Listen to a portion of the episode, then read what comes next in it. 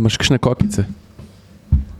Bo hud film. Ne? Ne, zaradi tega, kamita si bo zdaj sam kokice naredila, pa uh, bo Ciril vse v delu. Jaz- Živijo? Dober dan. Ej, mami si že poslal na pošto. A sprenesel podpisano nazaj. Ne. Ej, poslušajte. Jaz bom pa ta uvod malo drugače začel in sicer um, nikoli še nismo tega naredili, ampak ponovadi uvod posnamemo, preden pride gost. Ja. Mi smo pa s tem podcastom ravno zaključili. Ja, govorili smo z Miranom Stanovnikom. Um, se veš, pa ti gre skozi glavo besedna naveza puščavski lisjak. Ampak, ko je zaprl tale vrata, sem pa jaz najprej, ali pa bom od zdaj naprej najprej mislil, človek z izjemnim srcem, človek na mestu. Domoljub. nam je dal eno tako kot sem rekel na koncu podcasta, lekcijo narodne zavednosti. Uh -huh. Jaz priporočam ta podcast vsem, ki bi radi slišali ne samo zgodbe o Dakarju, ampak tudi kaj imajo. Kaj ima zapovedati en zelo pameten, izkušen, pa modr človek. To je na hitro gostu, zdaj pa moramo še povedati, da vsak tok časa. Uh, Jaz bom še eno iztrčil, glede meren. kva, Edini slovenski župan, ki je Dakar prevozil večkrat, pa jaz upam, 18. 18 krat. Pa jaz upam da bo enkrat tudi državni krat. Dobar. Na pol je že, na, Na pol lokal, je že. na lokalni kaj, Jaz mislim, da tudi če ne postane državnik, da dela izjemno delo že zdaj, kot smo ga slišali, kaj počne, pa kako vpliva na ljudi okrog sebe, kako jih dviguje. in tako. Res je. Ok, zdaj pa če lahko nadaljujem, še vedno nas podpira Petrol. Res je. A veš, da je Mirana tudi včasih? A res? Ja, na Dakarju. Ja, jaz se ga spomnim, da je imel rdečo kapco. No, vidiš. A, je imel, upam, da se nisem zmotil, ampak me, Ja. jaz se ga spomnim. Vem pa, da, da zdaj Ja. podpira Marčiča na, Simona. na, Simona Marčiča na Dakarju. Tako da No, evo, vidiš. Petrol, Men- Petrol paše v dakarsko zgodbo. Na Petrol pa še v atmosferce najprej. Ne, pa všeč mi je, ker potem vidiš pol to razgibanost, ne, kje so tudi dejavni, pa koga tudi še podpirajo. Ne? Ja. Zakaj pa paše v atmosfersko zgodbo Petrol? Zakaj? Ker je energija mama. Ej, a smo. Jaz, jaz kar vidim ta slogan, da bo počasi tako, na, na kakšni pumpi ga lahko vidim. Tako, njeg- tvoja faca pa zraven ja. energija je mama. Energija je mama. A smo mi prav na hitro posneli vod, pa lahko eh, Mirana pokličemo. Za nazaj. Za nazaj. naprej. Miran, pridi za nazaj noter. Ena, dva test. Veš, veš kaj zdaj? Ker moramo pozdraviti in Cirila in Mirana v podkastu. a veš. Cirila že ni bilo neki cajt. Ne? A veš, jaz manjkam, manjkam skoraj vsak ta drug podcast, obnašata pa se, da jih pri sedmih zapored nisem prišel nič pogledati. Mogoče pa Ciril, kdo si in kaj počneš? A smo mi pritisnili rdečo tipko? Smo. Ja, Miran, si kdaj štartu v rdečo? Ja, z slabim zaključkom je bilo to. Skratka, najbolj se spomnim enega, uh, enega štarta v rdečo v dva dni pred dirko uh, v Abu Dhabiju, ko me je takoj policija odpeljala, takoj ko sem jo propeljal, so že bili policija. A si še ujel štart? Komaj, če ne bi poznal Mohameda bin Solajma in to tudi na glas na policijski postaji povedal, uh, sveda ga ne bi, ker bi os- ostal brez motorja, pa še mogoče brez ušes ali pa saj s tistimi rdečimi uhli. ja a moraš biti pol.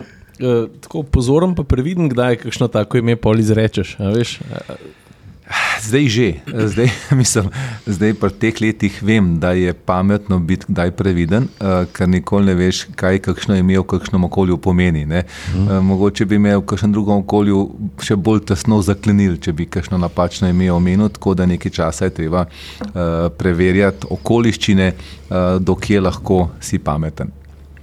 Ja, sem, ki ti kuzla vrat skače, hitro rečeš. Ne. ja, to je res. Ko imaš pred očmi tunnel vision, pa štart. To, to je res, ampak da, mi, ki smo starejši, smo že tudi navajeni, kaj pomeni konspirativno delovanje. Ne? In Tam ti morajo lahko tudi nohte s kleščami dol lečejo, pa ne smeš nič povedati. Ne? Če se spomnimo boške buha, pa te stvari. Ne, A pa so še taki heroji na Dakarju? ne vem, mene tam ni od 2015. Uh, tako da jaz mislim, da nekateri so še, uh, če, ne so, če niso dirkači, so pa v uh, vlogah vodi uh, ekip. E, zdaj smo kar štartali na Dakar. Kaj če bi šli malo na začetek? Ja, A pejmo. veš, na začetek tako daleč, da poveš, kakšni so pa tvoji prvi spomini, ali pa kje te je zahaklalo to, da, da si rad mobilen bil na dveh kolesih, pa mogoče tudi najprej brez motorja. A veš, kdaj si začel balance vrteti, pa kakšni so ti spomini? No? Ja, to je. To je krna skupina, tako da uh, ima drugačne barve, pa vonja krvi, verjetno teče. Že pri samih fantih, ne, pri dečkih, da jih vidimo, seveda, vidimo tudi pri deklicah, ne, ki nas tudi včasih krepko nažigajo v marsikaterih športih, pa tudi ne samo v športih, še kje drugje, da družino pustimo, ker to je normalno. Ne. Um, ja, jaz ne vem, že kot majhen, seveda mi smo uh, živeli, oziroma živimo na kmetih, takrat denarja ni bilo, smo preurejali kolesa na take in drugačne načine. Ne, uh, Uh, in potem, ko je bilo nekaj denarja, sem si ta prvi motor kupil, seveda od brata, ker sem nekako dobro ceno iztržil, ker je ravno predtem fajn padel, pa se mu je zameril in sem ga dobil za pol cene in tako naprej. No, skratka, ja, začel sem s polnim ekspresom, te, te Tomosi so mi pač nekako bili zelo blizu, se pač drugega ni bilo ne, takrat. Potem pa ja, motocross, uh, enduro, take hece, tako da motor je v krvi. E, Pero Kavčič. Uh nekdani sodelovec od uh, Saša, ta drugač pa uh, zdajšnji moj sodelovec, pa tak, uh, ta pravi motorist je rekel: Veš, kje sem jaz not pol. Ne, mene je enkrat meren stanovnik dal na krosko. Sva bila oba, za, oba sva zgor sedela, pa sva šla po ta zadnjem. to, točno se spomnim, po, poželi smo uh, koruzo jeseni na Nivi, uh, dol, zdaj je tam avtocesta, no takrat tega ni bilo. In jaz sem imel eno uh, um, Yamaho, belo 250 kubično dvotaktno, s katero sem dirkal takrat v času avblov in tako naprej. Seveda so bili ti avbli vsi hitrejši od mene. So pa, zlu, so pa zluko, se pa moji sosedje, veš. Zluko, ja, no, no, tako, mm. tako, tako. Sveda, ja, vem, kje so sicer rodom, ampak mislim, da so malo razseljeni tudi po Sloveniji mm. in tako naprej. To, so, to je bila legendarna motocross družina in uh, jaz sem bil takrat ponosen na to Yamaho in Peter je bil seveda čist majhen otrok, mi sem otrok. Mlad, mulček. mulček ne? In sva ga žgala po tisti uh, koruzi, da je bilo veselje. Zakaj pa misliš, da te je vlekel na brezpotja, ne pa na cesto, če si začel že s Tomosi in Spolni ekspresi? Niso, niso tisti motori, ki takoj z njimi zaviješ na brezpotja. Ja, v bistvu tako je. Uh, jaz sem v bistvu začel sem, uh, z cestnimi motorji. Jaz sem imel kar uh, nekaj cestnih motorjev, uh, prisegal sem na Suzuki. In jaz sem v tisti naši bivši državi bil prvi ponosni lastnik Suzuki GSX 750R. Uh. To je prvi, prvi črno, uh, pa mečkam belega imel gor. Uh, Uh, kupil sem ga uh, od rekel, Gasterbajterja, ki uh, dela na švedskem, uh, porodu je iz Splita, registracija je bila pa Aleksinac Niš. Ta pravi Gasterbajter. Prav, če pogledaš v leksikon, je njegova slika. to je bilo, to je bilo taka.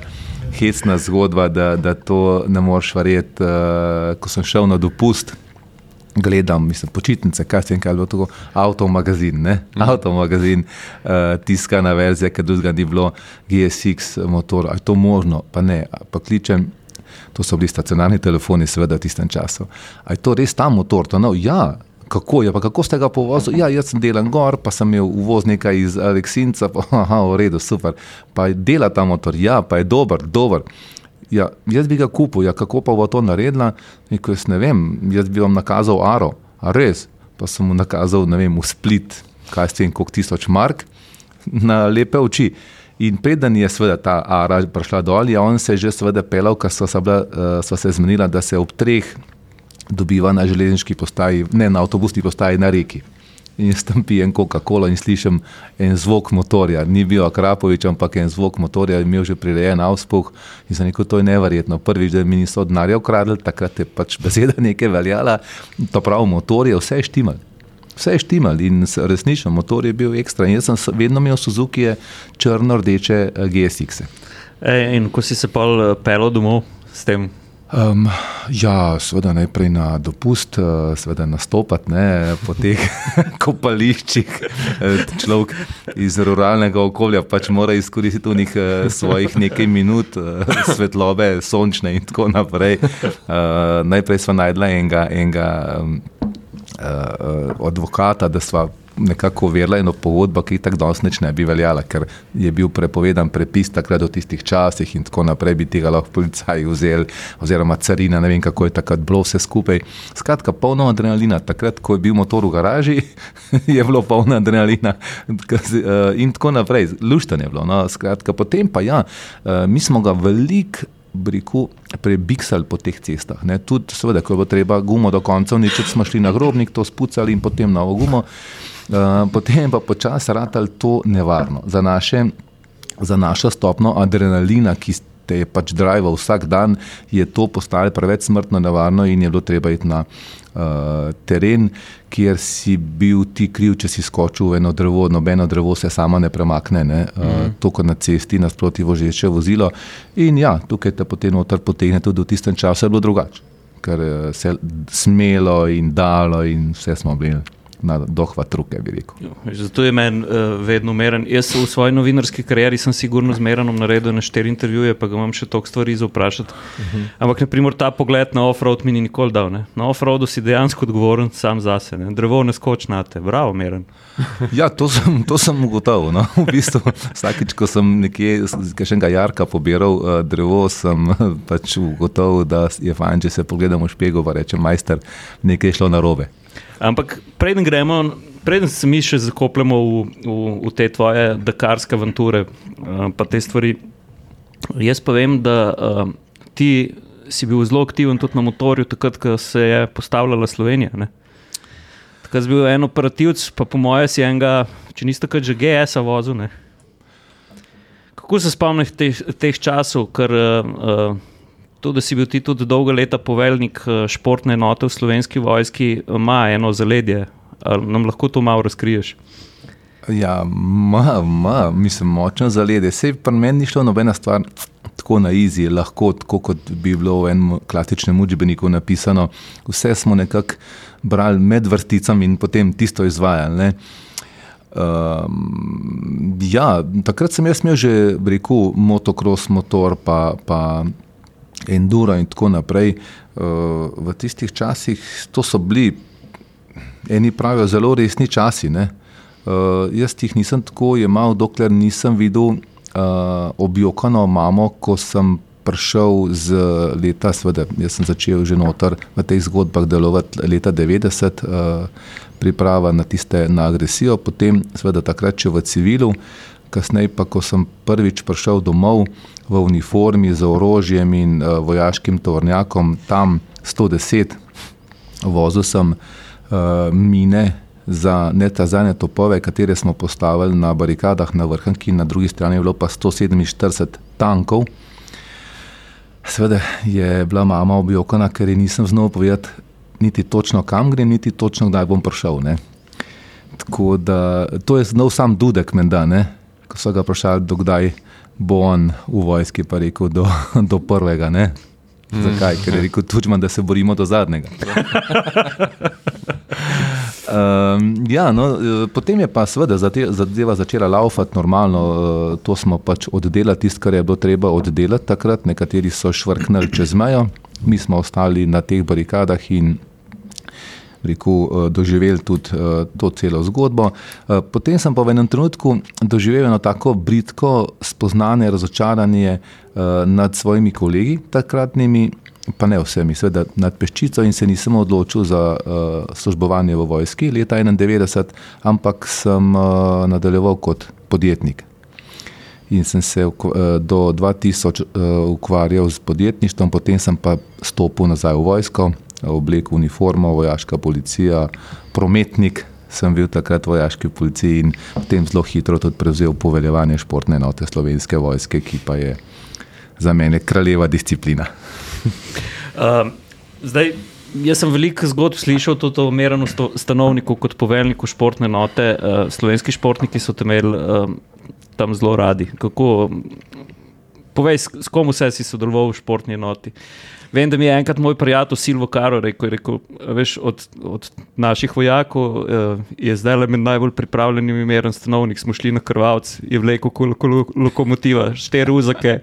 Uh, ja, Silva je klasičen alpinist, tisti pravi, uh, ki zadevo dela, z, kar dela, dela iskreno, s srcem, uh, z ljubeznijo, s predanostjo. Ne? In uh, s takimi ljudmi, uh, jaz, to je bilo večina takih športnic in športnikov v slovenski vojski športni enoti, ki je v najboljših časih, uh, takrat, ko sem jaz tudi takrat uh, poveljeval, štela okrog 120 ljudi. Ljudi, športnikov, olimpijske medalje, svetovna prvenstva, vse je bilo tam, eh, recimo, en primoško. Recimo, Rajmon Debelc je prvi, ki se je iz vojske direktno upokojil. To je dele, kakšne dva meseca nazaj sem ga srečal, ravno v petek je bila predstavitev eh, športnika slovenske vojske v vojašnici Edvard Peperko. Tako v bistvu to pomeni, da se nisem rekel skregal s kom, še vedno me povabil na kakšen dogodek. Ja, in te, te ljudje, ti športniki, športnice so iskreni in dejansko lepo je z njimi delati, ker tam ni blefa. In tudi kot poveljnik prečitajo v minus treh sekundah. Uh, ti, recimo, so. Uh, Igor Primc, no, je še zdaj zaposlen v slovenski vojski, ampak je tej v stalni sestavi, potem judoistke, Raša, Sraka, potem uh, vse to, ta cvet, uh, medalj, uh, biatlonci, uh, triatlonci, kolesari, recimo spet bi gledal, pogledal tukaj do enega žal pokojnega Jureta Robiča, uh, ki je prišel k meni in rekel, da je samo vi me samo v Ameriko spravite, jaz bom pa tam zmagal. Ne? In tako naprej. Skratka, to so bile nepopisne izkušnje in um, dobro je to, ker uh, športniki so čiste duše. Miran, lahko razbijemo ta predsodek, da športniki prihajajo v to športno enoto samo zato, ker so plačani, pa ker jim je na nek način pod narekovaj uh, slovenska vojska nek sponzor na to, kako izgledajo, kako izgledajo njihovi dnevi, ki so takrat na voljo v, v športni enoti. Ma, jaz bi tako rekel, uh, vsak uh, človek v slovenski vojski sistemu ima svojo nalogo. In je jasno, recimo, uh, da uh, ne vem, ena. ena uh, plezalka, športna plezalka, ki ima skupaj z vso opremo za plezanje uh, 26 kg telesne teže, ne more iti uh, v Afganistan z 40 kg težkim ruzakom, da se bo tam borila, ker to ni njeno poslanstvo. Uh, ampak seveda uh, ti športniki nam v osnovi dvigujejo eno domoljubje, eh, občutek zadovoljstva. Mi se takrat, ko dobivajo ti športniki medalje, se bistveno bolj počutimo slovenci, smo bistveno bolj ponosni na svoj narod. In recimo, eh, kaj je lahko še večji doprinos kot to, da mi čutimo preko športa, preko športnikov, kako močni smo. Vse nismo po armadi. Najmočnejši, seveda nismo. Vse eh, nismo po, po velikosti, po ne vem, čemorkoli še, ampak smo pa olimpijska zlata medalja, smo pa uh, svetovno, svetovna zlata medalja in tako naprej. Mi se takrat ponašamo, uh, ko recimo se točno spomnim enega dogodka, ko je na svetovnem vojaškem prvenstvu v boksu Robi. Robi, vojaški policist iz Maribora, v finalu, v zadnji borbi, nokautiral sredo Amerike nasprotnika. Ne to, se, to je cela Amerika pisala o, o Robi Krambergerju, o Robiju Krambergerju, ker to, da sredi Amerike ti zmagaš uh, svetovno prvenstvo z nokautom. To, to v Ameriki šteje. Uh, in tako naprej. Pravi, mi moramo biti ponosni. Se pravi, ti športniki, seveda, imajo določeno število usposabljanj vsako leto, uh, potem določena protokolarna uh, pravila. Vse tudi moramo vedeti, tudi mi smo ponosni na gardo slovenske vojske, pa tudi oni seveda ne nastopajo v operativnih nekih enotah, uh, enotah. tudi seveda lahko si so usposobljeni, ampak imajo osnovno uh, prioriteto uh, pač uh, gardne, uh, gardne aktivnosti.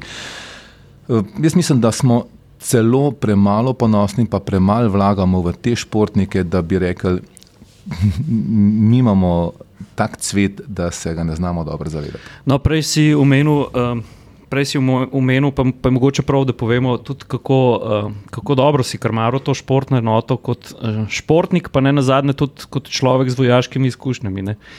Jaz sem slišal eno anegdoto glih, uh, iz spremljevalne ekipe pokojnega uh, Jureta Robiča, ko je bilo najtežje na ramu v Ameriki, ne, je tam nekje v Jarku ležal na kolesu, pa ga niste mogli zbuditi na pol usno, da je prišel umeren stanovnik in se postavil pred njega in je rekel: Vojak, Robič, volno, mirno, na kolo, gremo.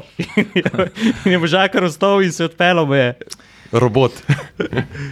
Robeč je bil najboljši v tem, kar je delal, to je definitivno. Uh, seveda, uh, ne more v takem primeru priti kar nekdo tja, ki se nikoli ni na kolo usedel, niti za trgovino.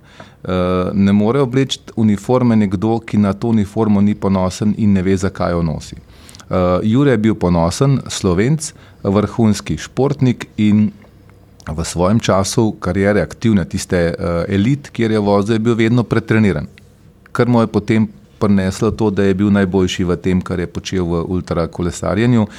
Uh, in z Juretom je bilo včasih tako, da si ga mogel malo drugače kot vzeti v naročje in se z njim pogovoriti res na tistem čustvenem nivoju, ki ga je takrat rabu. Včasih je bilo pa treba ga spomniti uh, pa na drug način.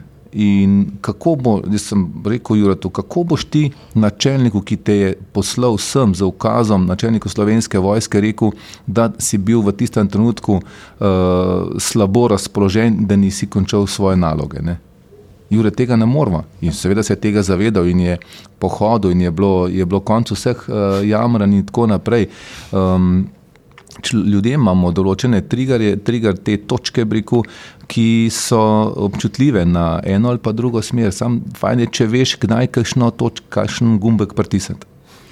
No, in če, če klej nadaljujemo še malo zgodbo. Ne, uh, uh, jaz sem tebe do zgodaj, ne kot športnika, spoznal, ampak sem začutil prav v najnih intervjujih tudi, da imaš iskreno rad, da si ta prav res domoljub. Uh, in uh, doskrat sem razmišljal uh, v tvojem športu. Ne, ki si vstopil kot na nek način outsider. Ne? Slovenija ni imela za sabo nikoli nekih tovarniških dirkačev, take stvari. A to, da si še danes najboljši slovenc uh, na Dakarju, da je bilo res težko. Enkrat se spomnim en posnetek iz helikopterja. Mislim, da je bilo na Eurošportu, meni gre do še zdaj kot Cine Gor, ki je rekel komentator, da je to osamljeni jezdec iz iz uh, Slovenije, zaradi katerega tudi komo pa depre ne spita najboljš in je bil, imel en šot, tako nizek iz helikopterja in ti. Tam na unisipini, opletel je zadnji bicikl in sem rekel, da ne bo spustil, meni gre do zdaj le kot cine. Res. Uh, je bilo to, da si, bil, da si tak domoljub in da si tudi v tistih časih, ko se je Slovenija pripravljala na tisto našo vojno, tudi um, sodeloval v, v teh nekih skritih manevrih? Uh, med kraji uh, šibov na svojem motorju. Ali ti je to pomagalo na Dakarju v najtežjih trenutkih? Si se takrat kdaj spomnil na Grb, pa Slovenijo, pa na te stvari?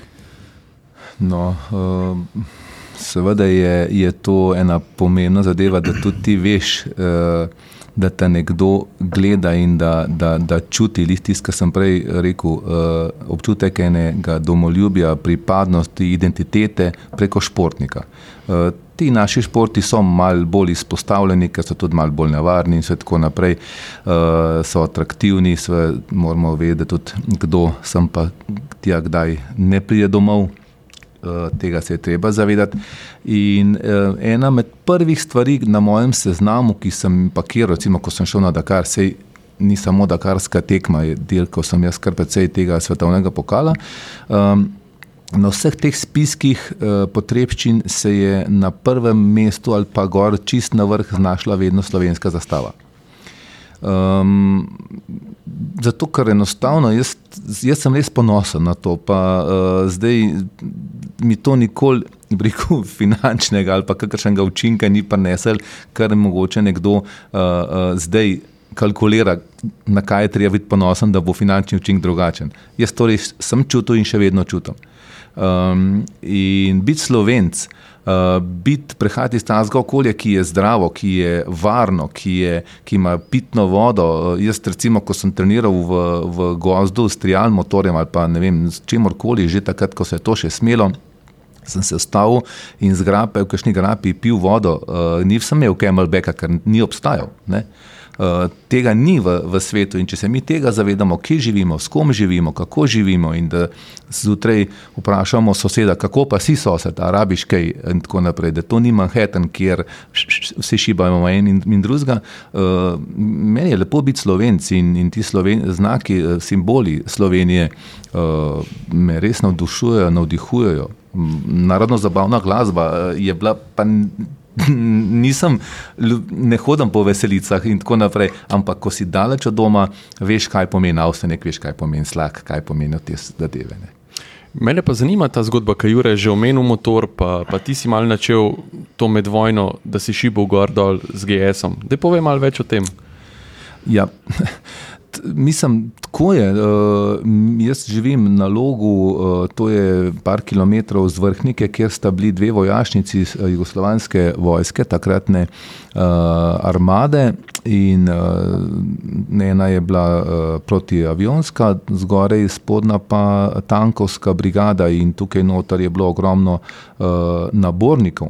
Mi vemo, da vsak, za vsakim tem naborniku, nabornikom uh, so nekje eni starši, ki skrbijo, kaj, kaj pa bo s, tem, s temi mladimi fanti, ki so se kar naenkrat znašli v eni vojašnici na tujem zemljišču, na tujem ozemlju.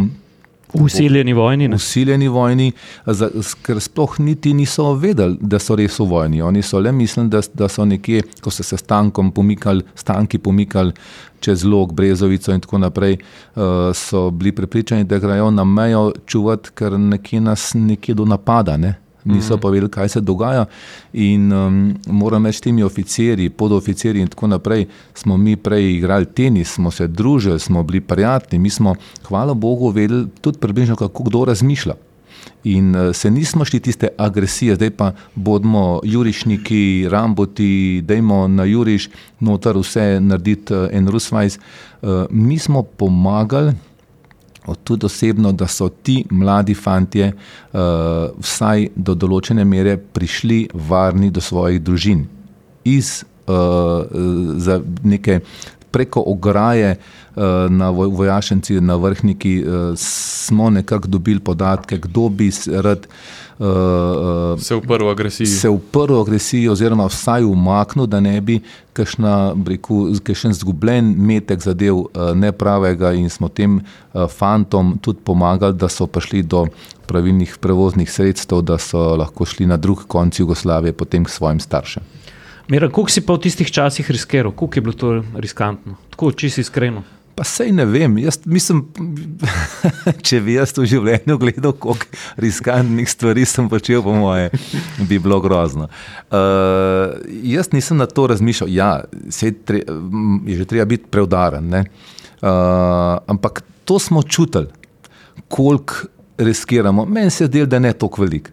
Uh, ko se potem pogovarjamo, da, da pa mogoče pa smo, da smo uh, takrat tudi kakšno mino svalili, ki je bila postavljena kje, ne? ampak očitno je bilo to prav. Uh, naše enote so postavljene tle le v dvojašnico, meni se da eno ali pa dve proti tankovski mini in točno tam se je ujel uh, tank gor. Ne? Se pravi, smo imeli tudi majhen, rekel, nosa ali pa sreče, kakorkoli, skratka, posod moraš imeti malo sreče verjetno. Uh, ampak če to delaš iskreno, uh, z namenom nekomu narediti nekaj dobrega, jaz mislim, da ti tudi eh, nekdo drug nekje pomaga, da ta cilj dosežeš, oziroma, oziroma vsaj, da nisi po nepotrebnem kaznovan, če delaš nekaj dobrega. Sam se mi zdi, da. Zdaj, ki si malo razlagal, tudi kako si se obnašal, pa ki si imel pravka z ljudmi v svoji enoti, uh, da moraš biti precej globok, pa da moraš imeti to socialno inteligenco oziroma ta čut za sočloveka. Ne? Pa se ti zdi, da to vedno. Ali pa da bom tako rekel, si kdaj srečal koga ali pa imel pravka s kom, ki pa na tak način ni šlo skozi ta emocionalna inteligenca, da ga nisi mogel z besedami ali pa z čustvi ali pa s takim, bom rekel, treznim pristopom kljub temu premakniti. Si dobil kdaj tak izziv? Ja, ja, predvsem zdaj, eh, zadnja leta, ko sem eh, se najedel zarečenega kruha, eh, ko sem leta nazaj še zatrjeval, prisegal skoraj, da nikoli ne bom v politiki, sem tudi ugotovil, da ma, zakaj ima avto eno na ročki za prestave R. Uh -huh. Tako da v bistvu se včasih tudi malo umakneš ali greš po zalet, ali pa vzameš en tak krajši obvoz, da priješ do cilja. Mislim, da vsak človek uh, rabi eno speci en specifičen pristop, um, pa ne mislim tudi slučajno ne na kakšno hinavščino, ampak na odprt dialog in vedno je prostor. Uh, ali pa čas za to, da daš nekomu, ki se resnično postavi na zadnje noge, tudi možnost ali umika ali pa enega kompromisa. Če boš, ne vem, to uh, tigra v zaprtem prostoru spravil v kot, je zelo, zelo pametno, da mu pustiš vrata mečkam priprta, da se lahko umakne. Ker če bo vse zadihtal, potem mora priti do boja na življenje in smrt, in mislim, da tega si ne želimo. Um, tudi konfliktov se uh, radi izogibam. Ču, moram pa reči, da čutim, se mi zdi, v, mogoče je to prirojeno ali pa, ali pa pridobljeno, uh, kje se splača vlagati energijo in kje je boljš reči, v redu je. Uh, to ni naš cilj, pojmo mi iskati cilje, kjer jih lahko dosegamo, pa ne lahko. Se jaz tu že enkoli nisem zbiral ciljev, ki bi jih bilo lahko doseči.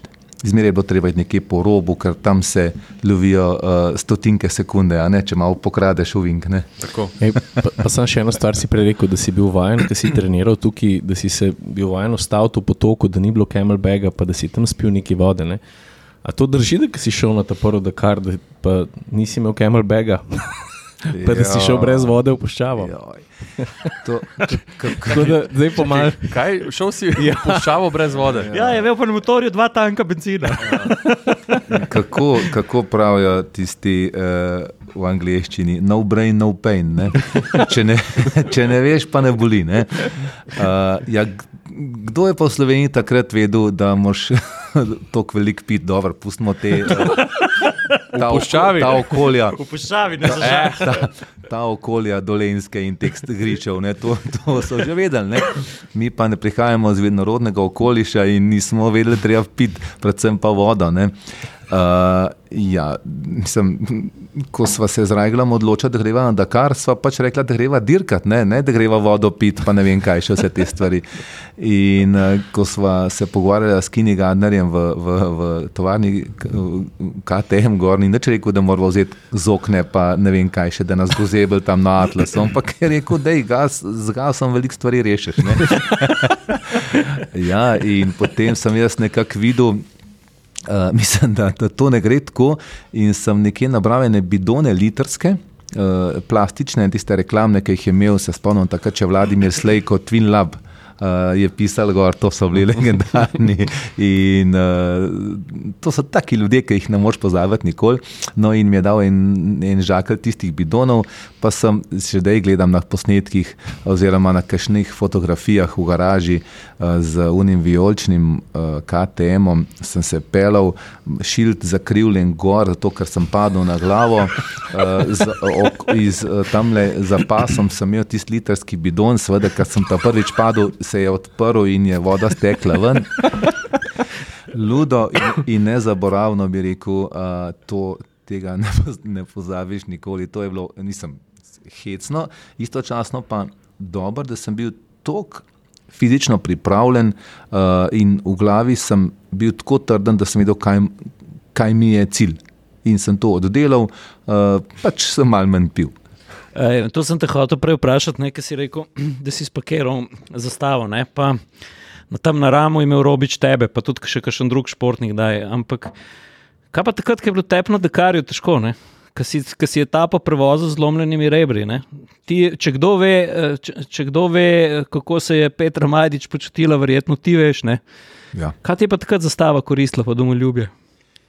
Ej, ja, zdaj, zdaj imam pa jaz malo cene tukaj. Mislim, resnično. Uh, ene, jaz sem po moje enkrat ali pa dvakrat povedal uh, nekje javno, da uh, ko mi je bilo res, res težko, uh, to pomeni težko, težko, so vze v očeh in tako naprej, ker fantki tudi okamo, ne, ne, sam, ne sam punčke, pa mame, uh, sem si pel uh, našo himno zdravico.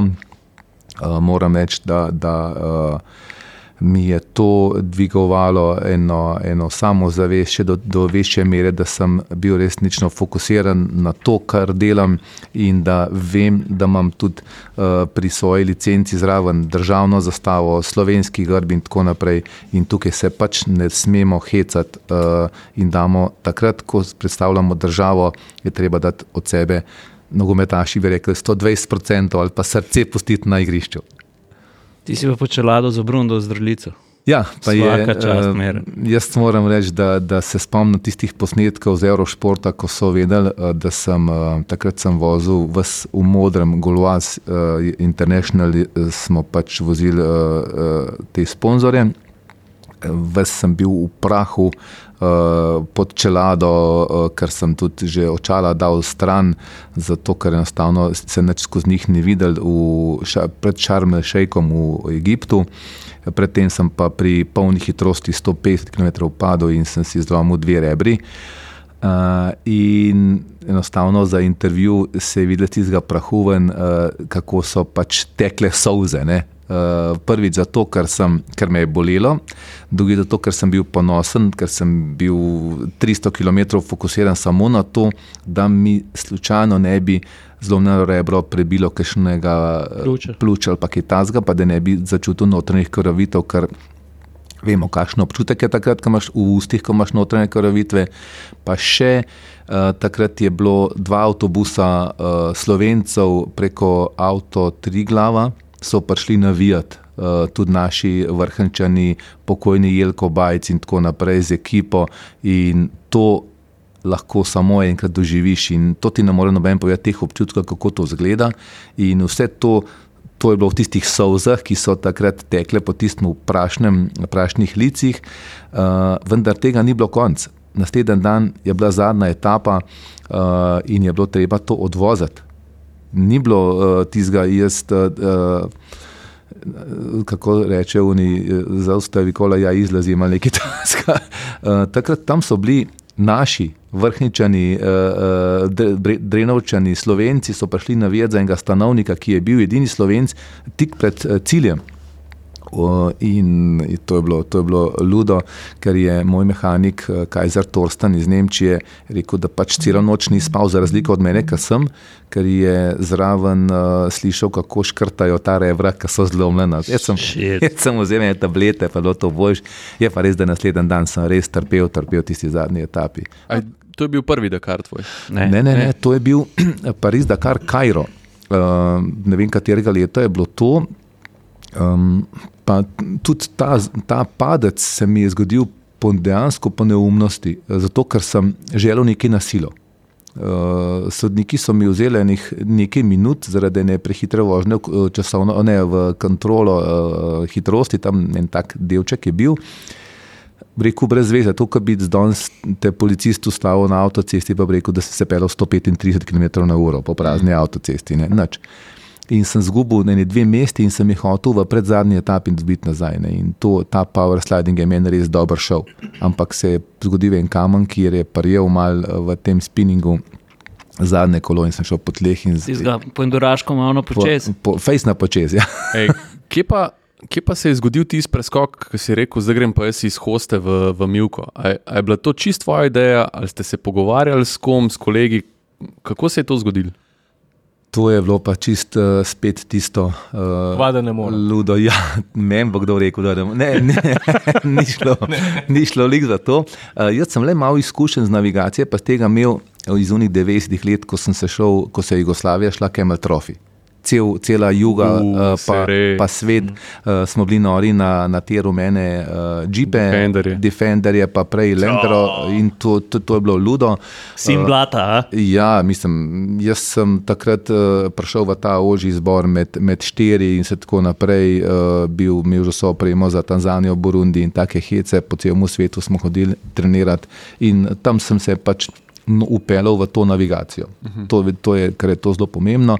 Potem pa pride enkrat uh, znani košarkarski delavec uh, Janez Rajgal, ki ga poznamo tudi preko ja, Marko Tamiliča in tako naprej, meni v lokal v Ljubljano, ker sem bil gostinc, sem prej rekel, deset let, pa rekel, ti imaš en motor, a ne, no, huskvano, jaz sem te zadnjič videl tam, ne vem, kje v stani žičah ali kaj že, ti bi mi šla mi dva eh, na Dakar. Jaz pa tudi vozim, imam del enega, enega KTM-a, veš. Uh, in seveda v Kranju je takrat že bila uh, televizija Eurošport, pa to nalogo tega seveda še ni bilo, ne. Lik nekako smo prešaltali na barne televizije, ne. Če je črna pa bela barva, smo imeli barno televizijo takrat že. Um, in pa mi pa razlaga, kako to je. Ne. Rekel prav tako, v bistvu ne vem, kaj hudo ne more biti, ker tam vozi ena ženska. Rekel, ne vem, če zmihna ali tam nekje, no, to gre šlo je za Andrejo Majer, eh, zdaj je poročena eh, Peter Hanzel. Uh, pa en policaj iz uh, Pariza rekel, to veš, je dolgo, ampak to taki le vozijo, rekel. ne. Taki le vozijo. Uh, ja. In jaz še nikoli nisem požrl besede, se neko greva. Ne? A res, res. Okay, in tako je bilo. Uh, sva si poročala, kako kdo trenira. Jaz sem takrat lih prišel z nekih atletskih vrst, eh, bil sem našpičen, kolesar, vse, vse. Uh, ne. in pa ti, kako si pa kaj vozil, rekel, kaj, ja, jaz sem se peljal od, od doma, kaj ne vem kam, že na eno kračo, pa lepo nazaj spet po gozdu, rekel, ful sem dober trening naredil in tako. uh, pa je, eh, on je srčen človek, uh, poštenjakar in on je le potem uh, od tri tedenske dirke končal tri etape, v četrti je nekako zaključil v, v Maroku uh, in je šel domov. In nekako na eno vižo je spravil mo- tudi motor na avion, on je šel tako domov iz etape, on ni prišel v, v, v bivak. Kako je on to v Marakešu počel, pa hodil po tistih eh, pisarnah, da je motor spravil na avion, ne vem, ampak sam to vem, da ko ga je prišla njegova žena Jana iskat v München. To januarja meseca, ki je bila plundra in vse take stvari, uh, s kombijem, da bo je motor pelal uh, nazaj domov, rekel, kaj. Jaz sem dokar voznik, jaz se bom z motorjem pelal. In se je pelal iz Minhna do Kranja z motorjem sredi januarja po plundri, ker pač enostavno dakarski vozniki pa ne odstopajo tako zlahka. Ne? No, ampak um, zanimivo je pri tem, ne, da ti na svojih uvodnih Dakarjih, če ni bil celo prvi, pa me, pa me popravi, če, če se motim, si pa zelo hitro nas upozoril tudi uh, s to svojo srčnostjo. Ne. Mislim, da si uh, dobil nagrado za fair play, ki si preletel na eno sipino tam čez kamelje trave, gor v, v pesek, v luft, uh, tam je bila pa motoristka na tleh zlomljeno nogo. In vsi so jim šibali, meranje pa za bremzo. Ne. Mm, ja.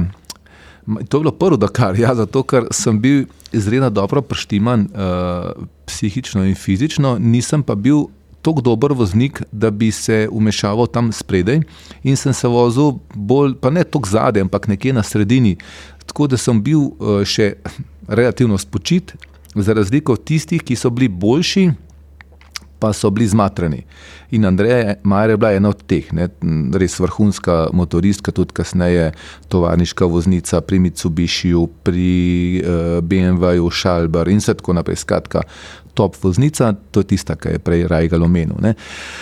Um, in, uh, ampak se pravi, eni, to je tist, ki je imela zlomljeno nogo, je uh, bila uh, ena druga tekmovalka, pa sem potem se ustavil in smo tudi pomagali, da se da se je to zložil uh, nazaj in uh, odpeljali in tako naprej.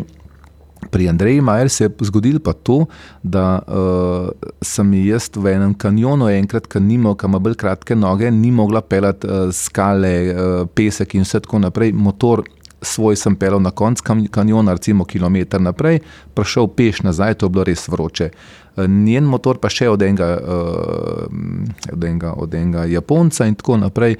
Uh, tam gor, nekje daleč gor je bila pa ena kamera Eurošporta, pa so tudi to posneli takrat. Ne? In Andreja me je tam objemala in skratka, ne bi prišla do konca dirke. Kasneje, čez nekaj dni, in potem so nekako kar veliko časa skupaj vozila, velike etap. Je pa, eh, sem pa jaz od enega udarca, eh, fasal in tako eno hernijo, očitno, ne, in nisem mogel motorja zalaufati, ker ni bilo še elektroštarterja, in je ženska, ta ista ženska, motor zalaufala, da se je dec lahko vozil potem. ne. Um, ampak v zadnji etapi, oziroma pred zadnji etapi, se je pa zgodilo to, da je Andreja štartala ene štiri mesta pred mano in preletim jaz uh, za njo in vidim, da ona tam leži obkrožena z enimi par sto uh, domačini. Zlomila, oziroma spahnila si je ramo in leži, sem rekel, Andreja, kaj, klic usilil, ne, ne, ne, ne, ne, jaz ne bi klic usilil, jaz bi rada, če si klic usilil, sprožiš, potem uh, si zaključil dirko, jutri je še zadnja etapa in bi probala stisniti zobe, kako boš stisnila zobe, če imaš ramo zunaj. No, seveda, Balkanci, pa ne bi bili mi Balkanci. Uh, jaz plezam tam na en hrib in uh, novinarskemu helikopterju signaliziram z čelado, da naj pristane, ne, da ne bi uporabljali une veze, so potem po interni vezi oni poklicali zdravniški helikopter, da je pristal. Jaz sem tako pomagal, da sem jo močno držal za noge, ker so jo oni ramo naglihali. In je rekla, jaz bi šla naprej, sem rekel, jaz grem pa s tabo. In sva potem uh, gonila, mislim, gonila, padala več, kot se je vozila, uh, in tako naprej. Uh, dirka je trajala neizmerno dolg časa, s tem, da vmes ujameva uh, eno švicarko, pa, pa uh, Erika Farža na enem bregu ene reke, po noč, ob enih po noč, nista upala prečkati, ker sta se bala, da je ta utonila. Uh, tam potem jaz prevozim čez vse štiri motorje, na drugo stran jih pridem za roko in gremo v račke, kot račke uh, do cilja. Ko, ko je začelo vse skupaj iti po svoje, smo se odločili, da se ustavimo in sem rekel, 20 minut bomo počivali, ne? potem pa spet naprej. In resnično, jaz nisem imel uh, unga budilke, ampak resnično po nekih 20 minutah, pol ure se jaz zbudim, ker smo tam v enem robu sedeli začnem buditi vse ostale in tisto je rekla Andreja Marko, je knjiga napisala, da nikogar v življenju ne bi rajši umorila kot mene takrat, ko sem jo zbudil. Ja, in smo uh, potem štirje končali dirko, uh, približno 25 minut pred mojim naslednjim startom v zadnjo etapo. In če bi jaz zamudil teh 25 minut, bi bil diskvalificiran, zato ker sem nekomu pomagal. Ne. Uh, ampak o tem niti nisem vedel, niti nisem razmišljal. Tako so Nemci prijeli. Motor so mi zamenjali gume, uh, zdravnik me je prijel za roko, me je vlekel, da sem mogel zajtrk pojesti, ker je rekel, da me ne pusti štartati, in smo potem zaključili tudi to, ta Dakar. Uh, tako, zelo, zelo uh, na vrhunskem nivoju, tudi po človeški plati. In to govorim, da zakaj resnično so na afriških Dakarjih uh, fantje postali možje, kot je rekel uh, Thierry Sabin. Ne. Zaprav, miren stanovnik gre na Dakar voziti svoj motor, pa pa še malo druge. Pa punce, ne, jaz sem s puncem, ko me kdo vpraša, zakaj sem dobil nagrado za fair play. Pač uh, sta pravo punca sem preživel noč. A pa se ti zdi, da so današnji dekari bolj dirke, pa so bili nekdanji dekari bolj avanture? Mislim, vse se spremenja. Uh, tudi ta šport gre v neki sprint, ki je mogoče bolj za koga bolj atraktiven. Se tudi distance na smočarskih tekih, ki terjajo izredne sposobnosti od tekmovalcev, niso tako zanimive kot pa šprinti eh, na smočarskih tekih. Ne.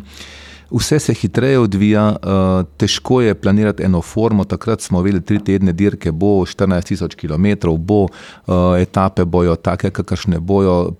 Pa, tako si tempiral, kot bi šel recimo na tri tedensko kolesarsko dirko prišel si tja z mečkim slabšo formo, celo malo utrujen od treninga, potem se je pa forma stopnevala do tistih najtežjih etap in takrat si lahko eh, pokazal, eh, kdo je kdo. No, eh, če, si, če se tako gleda. Zdaj pa to od štarta do cilja, če bi karikiral, rampa pade, motocross, gaz do konca. Pa... Se to me zanima. Ja. Mm. Več pa doba GPS-ov, pa kamer na vsakem koraku, pa, pa meritev hitrosti čez vasi, pa ne vem kaj vse. Veš, ne predstavljam si, da danes slišim take zgodbe, kot jih ti zdaj nam pripoveduješ. Ne? Ja, ni tako daleč nazaj. Jaz sem mal žalosten. Uh, včasih, ko se pogovarjam tudi z kolegi, uh, pa ne mislim sam s tistimi slabšimi, ampak tukaj je Mark Koma, uh, Cyril Depre, to so zmagovalci Dakarja. Recimo, jaz sem mm, nekaj let vozil enak motor kot Mark Koma, ker smo imeli enake nastavitve in je tudi tak motor bil potreben, da je nekdo, jaz sem pač njegov vodonoša bil takrat ne? in smo se veliko pogovarjali. Ta romantika v športu je pač šla svojo pot, eh, šport, razvoj športa je šel svojo pot in tukaj šport je velik biznis. Um, in tizga, tizga uh, duha, uh, ki smo ga takrat uh, doživljali, pa imeli v taborih, kjer smo vsi spali pod istimi šatori, ko je prišel peščen vihar, je tudi Ari Vatanen bil go in boss, bi rekel, ki mu je šator odnesel in take stvari. Zdaj te velike zvezde živijo v aklimatiziranih, klimatiziranih avtodomovih, tapravih in tako naprej, nekateri pa še vedno v šatorih. Ne? Zdaj, nekateri se grejo avanturo, jaz v bistvu nikoli nisem te stvari čutil kot avanturo, kot tako. Jaz sem šel tja kot športnik. Ne? na rezultat. Seveda, vse skupaj je bila avantura, ker nisi vedel, kako bo, kje bo, eh, kdaj boš šraufal, ker sem leto nekaj, nekaj let dirkal brez mehanika, takrat niti ni bilo teh kategorij, kot so zdaj kategorija brez mehanika. Takrat, če si imel denar, si imel mehanika, če ga nisi imel, nisi imel mehanika. To je tvoj problem. Ne? Ja, ampak ni bila pa una kategorija ali razred, kako se je že imenoval maraton, ki si bil malo prehiter, pa ti je bilo pol treba malo uh, spustiti ja, za kakšen mest zaradi tačke. Jaz sem že skoraj pozabil, res. Takrat se spomnim, še prav uh, t, uh, v tistem času smo se resnično borili. Uh, 15. mesto v generalcu je bila taka prelomna uh, uvrstitev. Se pravi, če si bil 16, nisi bil tako reden, kot če si bil 15. Ne? Oziroma, si bil mnogo manj vreden. Prva jakostna. Prva jakostna, nekako. Ne? In se spomnim, dva, dva uh, španca, pa še ne vem, kdo smo se borili tam za tisto prvo mesto v, v maraton klasi, uh, pa za 15. mesto v generalcu. To je bilo noro. Jaz sem se takrat zaletel v kravo. Pa sem uh, dva dni vozil samo z enim očesom. Tebi z rogom uh, vizir predaral. To, to moraš tudi povedati, to zgodbo. Ampak da najprej. ja, najprej ja. uh, in, in recimo na konc, koncu, en dan pred zaključkom, sem jaz seveda zaključil in spredajo potem v bokse, komisarji in pomerijo ta tačko za bremzo, ki ima tako nazobčkano špičko spredaj, da ti zadaneš, ne, uh, je bila že tovarni, ker KTM je tako poskrbel za samo varnost, da, da ni bila originalna, čist premečkana, ampak malo večja, da se ti lažje s škornom zadev, pri tistih hitrostih, ki skačeš in. In to prav taka tačka ni bila narisana v, v katalogu rezervnih delov, ne? ker se noben v to ni spustil. In so meni pač potem so me vrgli v uh, production eh, klaso, uh, zato ker je mogel nekdo drug zmagati. Ne? Ampak oni so tudi imeli take tačke, samo je bilo, so bile neke premontaže. So so ta, oni so vedeli, kaj, bo, kaj se bo zgodilo, kakšna kontrola bo, in tisti, ki so to vedeli, ki so pač že takrat vlagali uh, denar, ne samo v gume, kot jaz, ampak tudi v lobiranje pri sodnikih. Uh, so vedeli, kaj se bo zgodilo, in so takrat za ta pregled to zamenjali. Je bila jih ta čas. ja. Tu sem bil jezen, ker to se spomnim po tem, da kar sem jaz prvi intervju zmeren v delu. Ne? In mm -hmm. mi, mi ta zgodba sploh, sploh pa, pa zakaj, pa zakaj ja. na Dakarju? Ajde, razumeš, da je tu Formula 1, da se tam neki kocka, ja, ampak ja. možakar je prišel iz ene Slovenije, iz vrhnike odpeljati. Sem glih za to, sem se to ni, veš, na koncu dneva, ne? je lobby, pa kaj ti uspeš v zakulisju narediti, je bi ga to tudi en del tega. Ne. Pa se, se gleda, da je najbrž čim manjši, ne. ampak najbrž se ne moreš vedno izogniti stvarem, ki niso fajn. Ne, ne, ne moreš se zdaj tako, a prozameš uh, igro ali te pa ni. Ja. Sej uh, nogometaši tudi špijajo, uh, pa bi marsikdo od njih rad imel drugačna pravila kot jih imajo. Če ti ni všeč, imaš vso možnost, da tega ne počneš. Uh, je pa fajn, mogoče zato, ker tudi take stvari te nekako uh, krepijo. Iz vsake uh, take zadeve je prav, če probaš potegniti nekaj koristnega za, na, za življenje. In jaz moram reči, te izkušnje, ki sem jih dobival na posameznih dirkah, tudi v, v, ali pa v sodelovanju z sponzorji in tako naprej, z temi fair-playovskimi odnosi, srčnimi odnosi in tako naprej, to te samo krepi. To je uh, neprecenljiva uh, vrednost, ki jo preneseš nazaj v to neko civilno sfero, civilno življenje, če tako gledamo. In um, mislim, da je tega tako razmišljajočih ljudi mal premalo um, da je vse neka, neka drama, vse se nekaj dogaja, vse jokamo za tistem, česar nimamo, ne veselimo se tistega, kar imamo in tako naprej. Mm. To, ne vem, jaz sem blazno zadovoljen, ker sem imel to priložnost v življenju, da sem počel to, kar sem, ali pa da počnem to, kar počnem. Uh, imam to srečo, da, da vse čist v vseh poslanstvih, če rečemo temu, poklica, uh, uh, dobro znajdem in sem vesel vsako priložnost in resnično posodoživam. Ampak krave pa vse ni splanirano. Ja, kaj sta imela s kravo? S to kravo, sva, v bistvu, jaz mislim, da imamo neporovnane račune. Ne? Jaz, jaz je nisem potem več videl, ko je počel. Uh, to je bilo v Maliju, se je zgodilo ena taka, rekel, en, eno, eno, eno uh, grmovje in se tako poraščena na taka uh, narava, kjer ne vidiš nič, kaj dosta, ampak se da pelati enih, recimo, 100-120 na uro, malo vijuganja. In, Malo bolj vidiš, eh, malo manj, kot ponovadi, kot vidiš, vidiš pa- na pa 120. Tako malo bolj poraženo. ja, in je bilo tako luštno tekoče, kar naenkrat iz enega grmovja, brez bremzanja, bum, z boka, z levega boka krava. Krava, lahko je bil tudi bikac, jaz ne vem, kaj je bilo. Niso te naše krave, ki imajo po 400-500 kil, ne? ampak to so take bolj, uh, reku, uh, pripravne krave. ne, za- Ja, ampak za kosti imajo pa vseeno trde za župo. Kosti. Ja, pa bolj ostre. kosti, pa, pa rogove, pa imajo, včasih še večje od naših. No, in so si dala glavce. Uh, tako da petke niso bile tako tako moderne kot glavce, očitno. ne. Uh, ja, in jaz sem šel po tleh, uh, z rogom uh, sem dobil udarc v. v ok, uh, Ne morem drugače reči kot v ovkli očala, ker so res takrat, mislim, da res bili tako napredni, da so imeli taka, taka stekla, ki so, ki so se plastično deformirala, ne, ker lahko bi tista očala se razrezala in bi mi še večjo uh, poškodbo naredila na obrazu. Tako da je, sem, sem pač krvavel. Uh, niti v tem primeru se ne gledaš, kako je. Uh, sam vidiš, a si sposoben uh, se postaviti nazaj uh, in tako uh, se postavim na motor, se pelem in vidim, seveda, sej ob, na obrazu zelo hitro krvaviš, zelo hitro kri teče, veliko krvi nekaj časa, uh, je bilo vse pokapan dol po, po sedežu, pa po, dre, po štartni številki, ki je bila bela. Mm, ampak eh, se zaradi unga vetra, pa prahu, malo se je tudi ta krvavitev zelo hitro ustavila, ni več krvavel dolg časa. Problem nastane takrat, ko ti prideš na kontrolno točko, kjer ti sodnik udari štempel gor na, na kontrolni kartonček, takrat je pa težava, ker te on, Fajn, takrat je fajn, da nisi krval. Ne? dobro je, ker on te je dolžen ustaviti. Počakati moraš zdravnika, skratka, to je ne, v dirki. Uh, ne, in, in, ja, kdo bo, in potem jaz gledam, jaz sem se počutil super, uh, fenomenalno bi rekel. Ne. Uh, takrat ti se ne zateče takoj oko, ne. sem še vse videl in pelem, pelem, vidim kontrolno točko in nekako. Uh, ta kontrolni kartonček sem imel na sedežu, tako kot vsi, uh, da je samo on lahko udaril gor po sedežu s tem štemplom in grem kar počasi, počasi, počasi, tako da je mogel on za mano teči, pa uda, da je udaril, ne, da ni videl. Potem pa, ko je udaril, je pa videl, da je očitno tudi kartonček še kar, že krval in takrat je že stanovnik dal gas in ga ni bilo več. Z gasom veliko rešeš, Z gasom. povedal. In pol, in pol gledaš šune futbolerje na svetovnem, ki se vale, pa ga malo takole. Ja, ja, sam, oni imajo druge številke pri plačah. ne. Oni so tudi za umetniške vložke plačani. ne.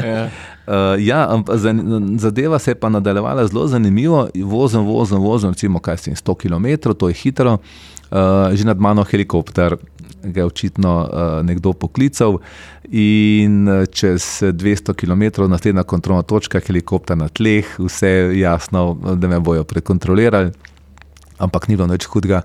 Uh, pogledal je oči z tisto lučko, rekel, da me je pač spremljal z vrha dol, da, da je videl, da kar grem kar v to pravo špuro, da ne vpletam preveč z motorjem in da me uh, prosi, če lahko prijem na, v, pol v cilju, v taboru, da mi bo to zašilno. So mi zašili z enim štirimi šivi. Uh, zato, da uh, pač se ni odpirali preveč naprej. Uh, tudi ne boli, jaz moram reči, ker so mi šivali na živo, brez anestezije. Uh, ker ja, eh, na, na etapah sem jaz imel s sabo vedno brinovc. Ne, in ti doktori so tudi vedeli, da po vsaki etapi dezinficiram, nekako pa rekel, da je brez veze, eh, da mi da injekcijo, ker pa se to malo stepe. ne. Eh, Pater Niko Frančiškan mi je spakiral za vsako etapo flaško pol deci brinovca uh, domačega, tako da sem imel še ta kontakt z uh, domačo skupnostjo. Pa še pater je gor se zmenil. Je rekel, je rekel, da je uh, stari, da ima v kojnu ta brinoc, da bo ja držalo. Tako, pa, pa mehkejše rogove. Sam še goveja župca bi mogel imeti v taboru, pa bi Ja. ja. to. to. Pred Je. moram eno anekdoto povedati, ki si glih uveril, pater pa brinoc, ki sem jaz bil na praksi kot mlad agronom v Pleterih, pa mi se še en piče. Ne? In pridem na Porto, tam v Pleterih so, so se seveda ukvarjali tudi z zelišči. tu. Pa pride en pater s tako živo rumeno flaško. Ne? Pa jaz kot ta prav klendolenc odprem, da bom ruknil, pa prav, o ne, sine, škodi srcu, namaži.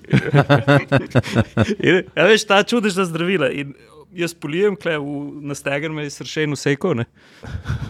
To je bilo tako, kot frivili, jaz sem na jeziku čutil, sem rekel, ja, čakaj, ja. to je zato, ker smo na dolensko, je to tako močno. Ej, uh, 15 minut, teda ni bilo noč. Čudež, ja. Čudežni brinoc. Ja, meni so pa rekli drugačne, da če bi bilo če bi bilo to kaj, te kreme, če bi kaj pomagale, gospodinje ne bi uh, sol mesle noter v kruh, ampak bi po vrhu pomazale. Ne?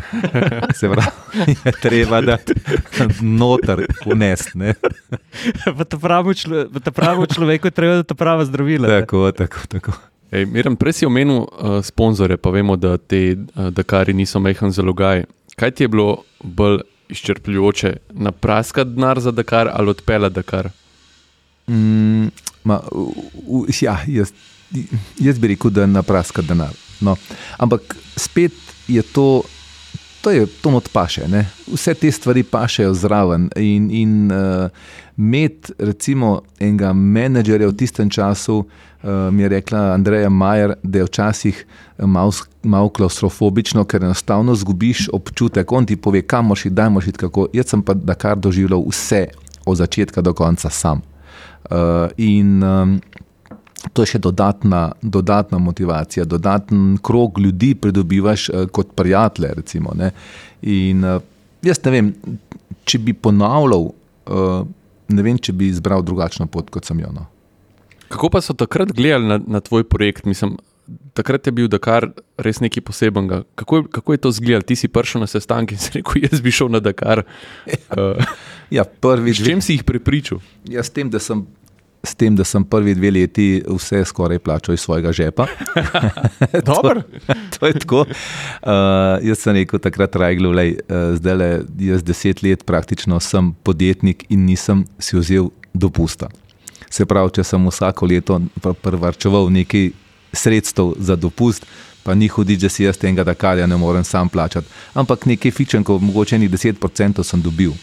Ker jaz, ko sem prišel nekam se pogovarjati za sponzor, so, so rekli, čakaj, okay, kdo si ti, pa kam greš. Ne? Da, kar, aha, v redu, ja, super, super. Uh, nisem bil atraktiven za pogled, nisem imel zgodbe, nisem imel nič. Uh, jaz sem mogel najprej nekaj dokazati, uh -huh. potem se je pa to začelo odvijati. Ne? In ko sem prišel po prvem Dakarju na Brnik, uh, sem rekel, da nikoli več nikoli več in teh ta nikoli več je bil potem še 18krat. Miran, uh, to sem te tudi uh, do zdaj nikoli te nisem to vprašal, ampak me je skozi Ferbec matro. Uh, Dej pa povej tisti čarobni trenutki na Dakarju. Takrat, ko se. So.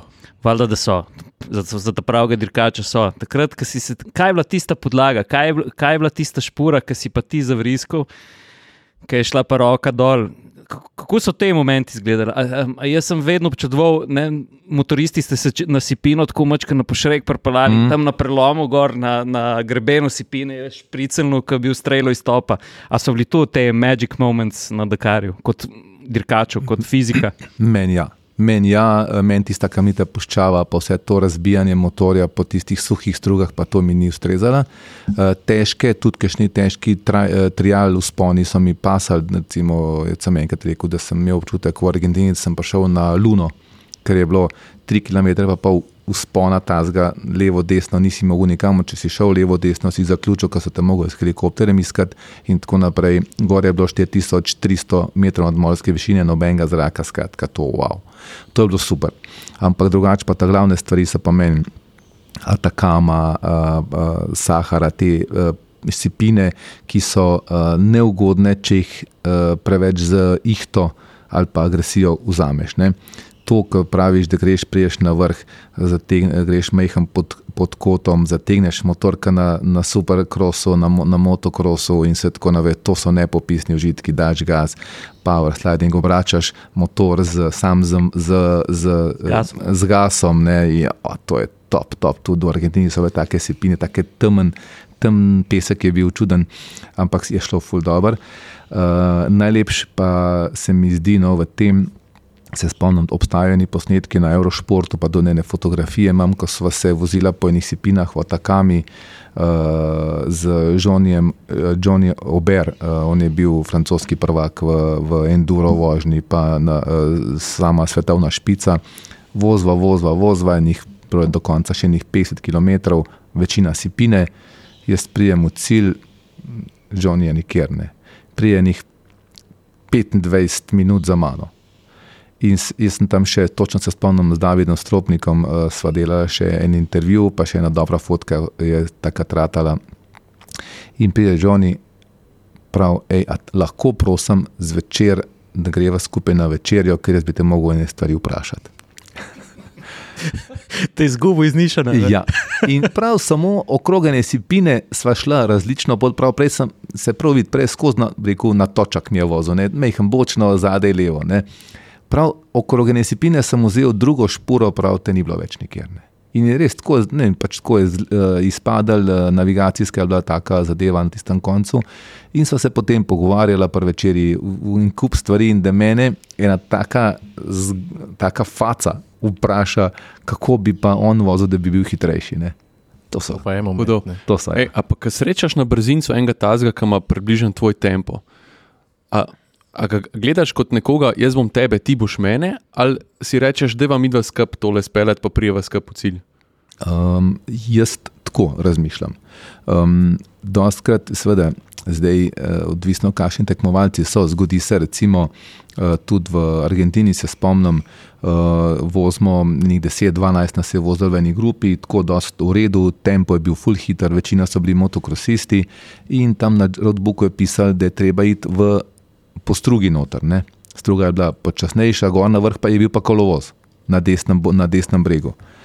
In seveda, jaz sem nekako navigator, uh, vedno bil in sem rekel, noč, pač, če piše, ne vem, zakaj bi pisali, če ne bi bilo treba. In oni ga žgajo na polno. 150 polnom kolovozu, se pa gonom po tistih luknjah, noter pa po skalah, ampak čez en kilometr je bilo, je bilo nevidno, treba zapeljati ven iz struge, ampak na levi breg in zadaj za hribi, tako da so 40 minut uh, kasneje prišli v cilj kot jaz. So prišli do klifa enega. So prišli do klifa, so se mogli obrniti in uh, to so, to so uh, zadeve, take, kakršne so. Se pa zgodi, recimo v Dubaju, oziroma ja, v Dubaju smo imeli enkrat tudi med drugim skupinski štart in recimo top prvih 20 štarta v eni vrsti, drugih 20 in tako naprej, helikopter snima, adrenalina je polno in motokros štart z Unijo strelijo tisto raketo in takrat vsi gas.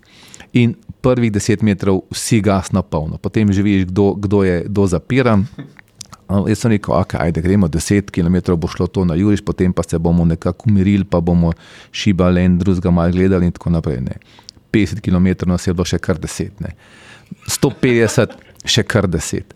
In potem, seveda, naj, tisti, ki gre naprej, pa pada v tiste sipine, največ tvega, ne, ker vsi ga gledamo zadaj, če je on pa, padel, pač enostavno, ja, sorry, ne, mi gremo okrog, vse si v redu, ja, ja, in gremo. No, ampak potem smo se pa tudi, ker smo pač ti ta hitrejši vozniki korektni, smo se kar mal menjali pri kolesarskih uh, dirkah na Firengi breku. Uh, enkrat je šel en spet, ma pa drug in jaz sem, recimo, komeno v tisti grupi vozil, sami tovarniški in da sem bil fair, sem tudi enkrat se postavil mal spredje, ne, ja, 500 metrov, pa sem že debel gledal, kaj je, smo šli počivati, ali kaj. Ampak to je bilo, na 200 km smo tankali gorivo, teh deset nas je tako preletel v ta, ki je bila neutralizacija tam 10 minut za tankanje goriva, tako kot je, da, da smo ravno kar štartali, pa da bo tam na zavogalem cilj. To je bilo noro. Etapa življenja. To je bilo noro in pride uh, šef tovarniške ekipe Jordi Arkarons do mene.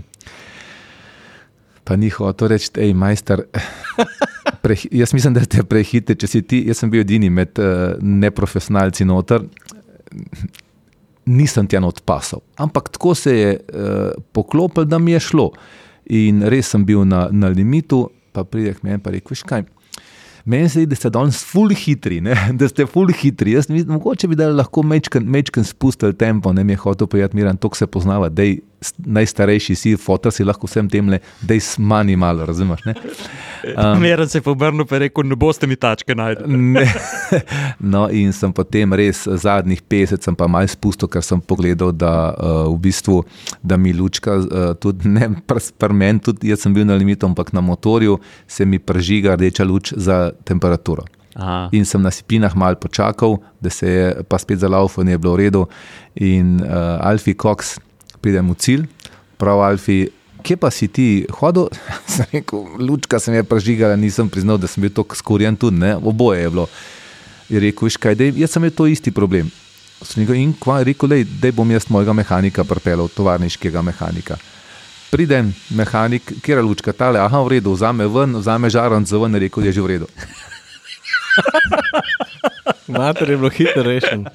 Sam žaranco je mogel sneti, rekel viš kaj, kar ne vidiš, ne boli, to prije, ker še en zračen mehurček in to te sam mot. Zračen mehurček pride. E, kaj pa, eh, ko si rekel, da si bil dober navigator, oziroma si? Uh, a si se kdaj izgubil? Pišu, kaj ja.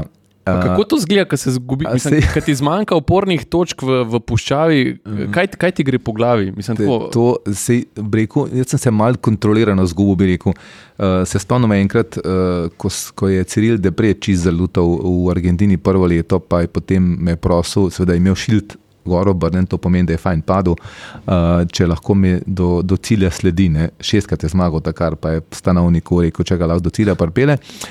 Uh, ampak potem se pa spomnim v, v uh, Afriki še, peščeni vihar je bil tako, da se je kar pooblačile, bilo tako, kot pred, pred temo že skupaj, pesek je nesel, vodo ravno, pre, uh, vidljivost je bila 10 metrov in jaz se vozim, vozim, vozim in je bilo tako čuden, res, kep, se pravi, na eni točki je sam pisal, zdaj imaš pa 87 km, uh, kurza, recimo 35 stopinj.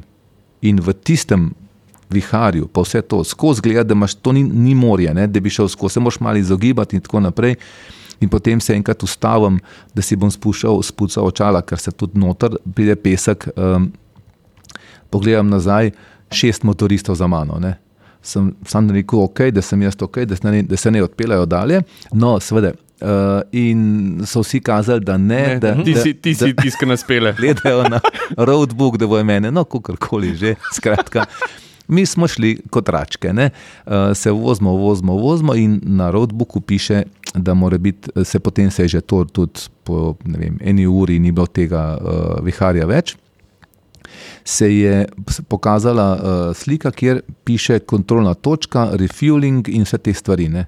Prvič, če fališ, je tri ure kazni, drugič, ostaneš brez benzina. Skratka, uh, katere kilometri so, so, jaz sem pa že bil na kilometrih, ki so bili približeni nekaj tasga. In naredim dva km več, ni te točke, seveda ti lahko v teh 87 km, če mejhen vzameš napačen kurs, fališ kilometr ali pa dva. Ne?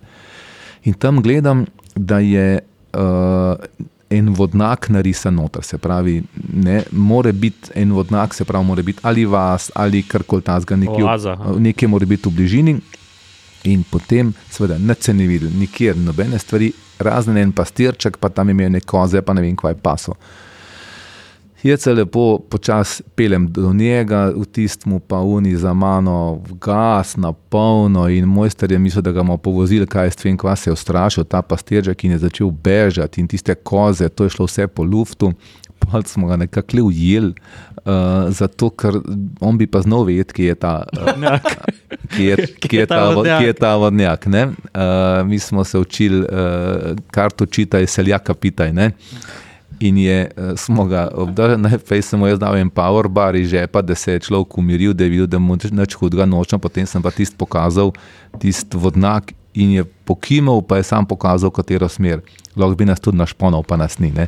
In smo prišli direktno, približno 2 km več smo prevozili, ampak direktno na uno točko, kontrolno na tank ali gorivo. To je bilo resnično prvič eh, in tudi zadnjič, ko sem se zgubil. No. Ne. Ena pomembna. No, da, jaz imam tudi eno. Prvič promet na Dakarju, drugič pa meren. Uh, en od teh mitov je, da, da vedno ljudje mislijo, da ste motoristi na Da- Dakarju najhitrejši. Ne? Uh, Dej povej, kako izgledajo ta srečevanja. Ne? Ker prej si, že razbijo, uh, prej si že povedal razbijanje motorja po tistih suhih maroških strugah, uh, po prevojih. Tam pa ena Tatra na ta velikih kolesih ali pa en tovarniški uh, Mitsubishi, Mitsubishi pa preleti in ko skala. Ne? Kako je, Ja. ja. kako je ta srečevanja, kako je to videti? Tako je.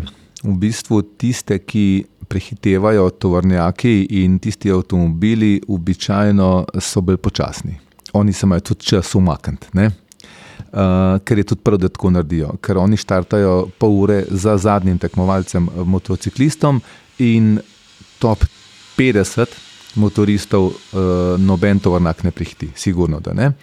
Uh, avtomobilisti lahko tudi top 20 tekmovalce prehitijo, zato ker imajo kakšne špore, ki so uh, zelo, zelo hitre. Motori ne grejo tako hitro kot avto, v končni hitrosti, in takrat lahko oni razvijajo večjo hitrost. In izpod kolesa Tatre resnično letijo skale. Mm. In takrat, kot sej, prvič imaš zdaj že sistem, ki te opozarja. Pozori, ne, tako, tako, drugič pa tudi sej slišiš. Ne? Čeprav mi, rekel, hitrejši vozniki smo vedno nosili čepe v šestih, zato da si bil še malo hitrejši. Res, to, je, to pomaga, 5% da. Um, ja, res, res. res. Nimaš občutka, kako si hiter. Isto v avtu, ki si daš peltorco gor, veš, ki ti mm. pač eh, zamoši v šesa.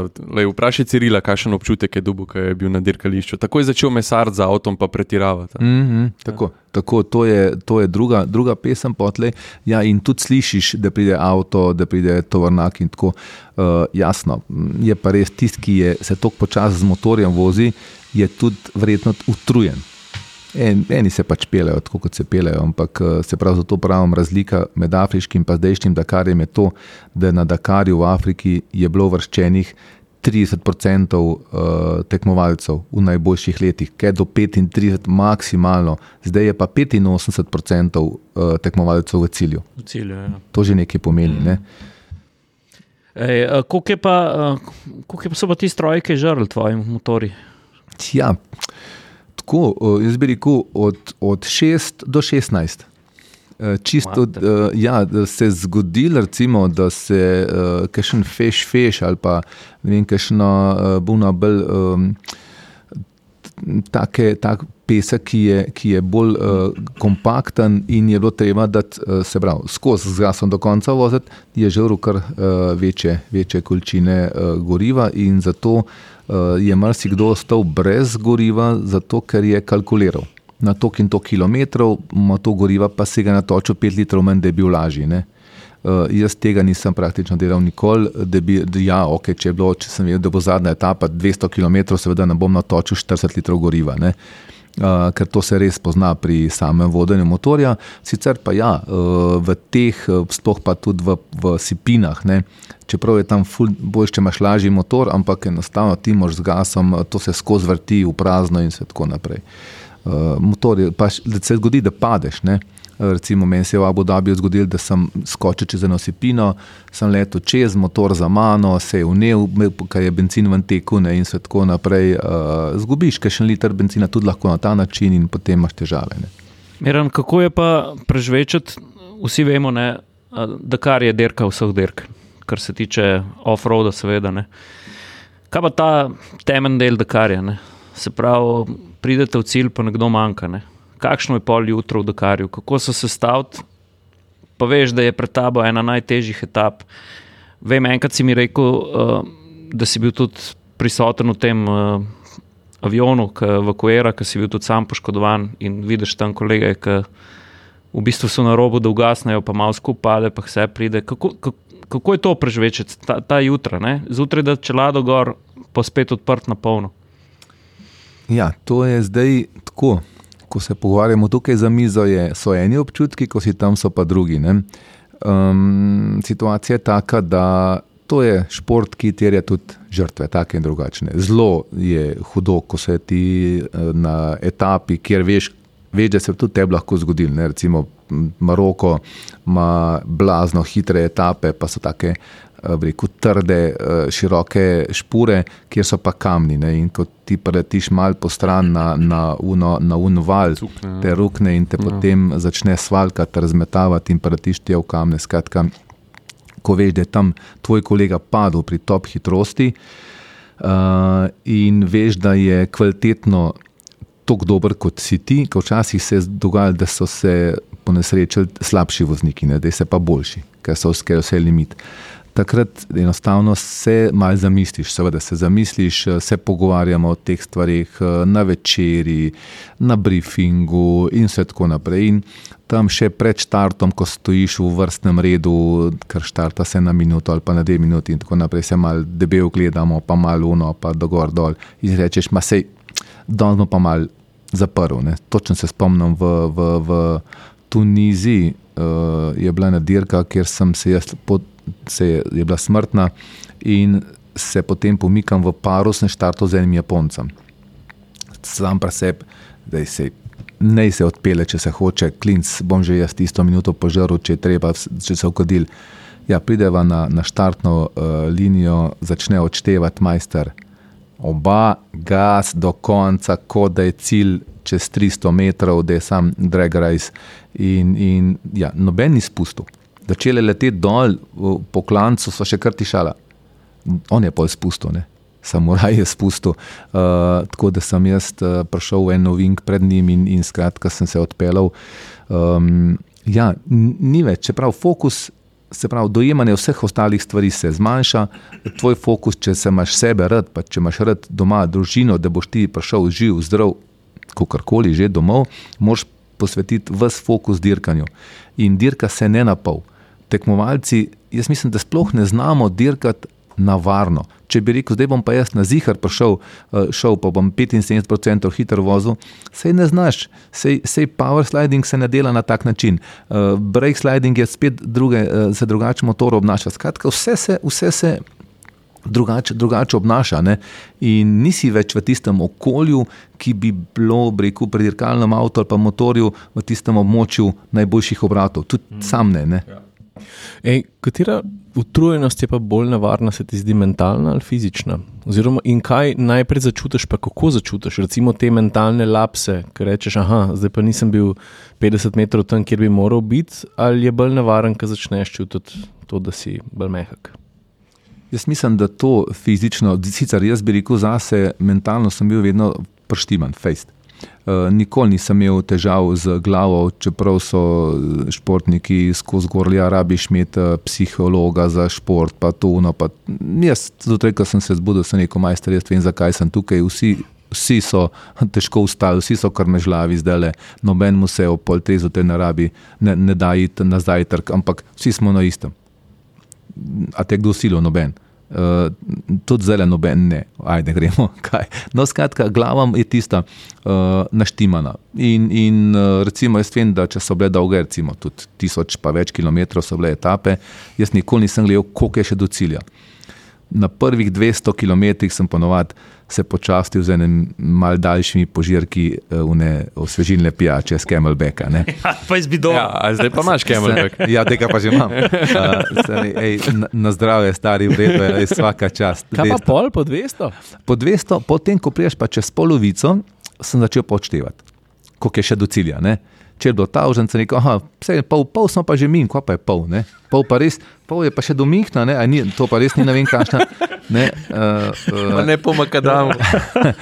in uh, tako, in potem, kaj sem, so tudi, uh, sem se pa spomnil enkrat v, v um, Argentini. Težka etapa, ki sta v Ragu z ene reke, pridem ven, še do cilja vem, 30 km, sem rekel, se je pa sam še tako le peščena, piše gore dole, spijem ta zadnje požirke iz Kemalbeka. Ej, začne kot v kotlu, vročina 50 stopinj Celzija, fen neki, poprečna hitrost 20-25 km/h, globok oh. pesek, eh, nikakor nikamor. In takrat sem pa se ustavil, odpel jakno in sem rekel, zdaj pa ne vem, koga bo, ampak čez mogoče ne vem, kilometr, dva srečam navijače, se vstavim, mrzlo Coca-Cola so mi dali in vse tako naprej. Sem letel tako, kot bi mi uh, booster, booster nalil nekdo noter. No, skratka, ja, včasih se lahko tudi zakalkuliraš, ampak uh, pa je glava, glava more, mislim, v vsakem primeru glava more biti. To je razlika od tega, kar smo prej rekli, Jure Robič, ne, je imel glavo premen, ki mi je zaupal. On je samo svoje, dal svoje, svojo moč, uh, svoje pljuča, pa center za ravnotežje. Kdaj bo jedel, kaj bo jedel, kdaj bo šel lulat, kdaj bo šel to, to, to je vse nekdo drug razmišljal. Ne? In tukaj, ta, tukaj so razlike. No? Uh -huh. Kako si pa sprejel, da gre Dakar na drug kontinent? Ja, v bistvu takrat, ko je bilo to nujno, uh, smo to sprejeli z razumom. Eh, potem smo ugotavljali, da bi lahko tudi kakšna drugačna zadeva se zgodila, ampak kar se, se je, se je. Sem pa komaj čakal, ker sem si želel, resnično želel srečati uh, argentinske slovence. Mhm. To, to, sem pa, tako, to sem pa najdel na tako pozitivno zgodbo v teh uh, zadevah, ker vem, kako so oni srčni in vse tako naprej sem si prav želel jih tam srečati in so me tudi sprejeli in smo imeli skupaj silvestrovanje in vse tako naprej v San Hustu, pa tam v uh, delu okrog Buenos Airesa in take hece, svede Asado je zdravo pasal in vse take. Tako da uh, in to se pravi ta spektakel, pol milijona ljudi, prvič v Buenos Airesu, pol milijona ljudi v, v, v, v špalerju in uno, to, to je nekaj nevrjetnega priješ tam, so tri varnostne ograje, vidiš slovensko zastavo, gor, uh, ustavim motor, ko sem šel na ta štartni podium, ko sem imel še veliko časa, uh, grem pozdraviti, ko ste to videni ljudje, ja, pa mi smo slovenci, pa eno, drugo. Ne? In tako, to, to, to, to so blazno lepi spomini. Mm. Potem se peleš tam po avtocesti 200 km na štart brzinca, uh, zjutraj se vrnem z Liman, ves, pa en star avto, ne vem, kvaj že je bil, kaj še dača ali pa kitajska, pa na kartonski, na kartonski škatli na uh, stranski šipi, da jim umiren, sredi sred, sred Argentine. Da jim umiren, so te kapne zadane. Uh, tako da to ogromen takih uh, lepih stvari je bilo. Zdaj ta Saudska Arabija, pa po sami trasi, se pravi po, po samem terenu, bi mi ful pasala, res bi mi ful pasala, po vseh drugih stvarih pa ne. Uh mhm. -huh. Miren, meni se zdi, mislim, se mi zdi, da je prav evidentno, sploh pa če bo kdo poslušal ta podcast, da ti si bil, pa marsikomu si v navdih, se mi zdi. Um, tudi se mi zdi, da zdaj že kakšno urco pa pol dobivamo tudi eno tako orank lekcijo državne zavednosti, se mi zdi. Um, to se mi zdi super, ampak kdo je bil pa tep na vdih, mogoče iz tvojega osebnega kroga ali pa tudi med športniki. Oziroma, si imel, vzornik je premočna beseda, nekdo, ki, zaradi katerega si mogoče bolj močno zobe stisnil, takrat, ki je bilo treba, ali, ali je bila to stvar vzgoje ali ljudi, ki so te spremljali na tvoji poti skozi življenje. Pišu, da je zelo dobro vprašanje. Ne vem, če me je kdo že kaj takega vprašal, kdaj. Zdaj, jaz ne morem reči, da sem imel kakšne hude vzornike. Mogoče, da če bi ga če na meji lahko rekel Pirmin Curbrigen, če se kdo spomni. Uh -huh. uh, ja, v tistem se spomnim ene, ene kompresije, ki je v smuku jo doživel, pa je kar nek. Ja. Tako da v bistvu uh, potem v enem delu uh, Ari Vatanen. Uh, kako njegova mirnost, njegova finska uh, zgodba, in tako naprej.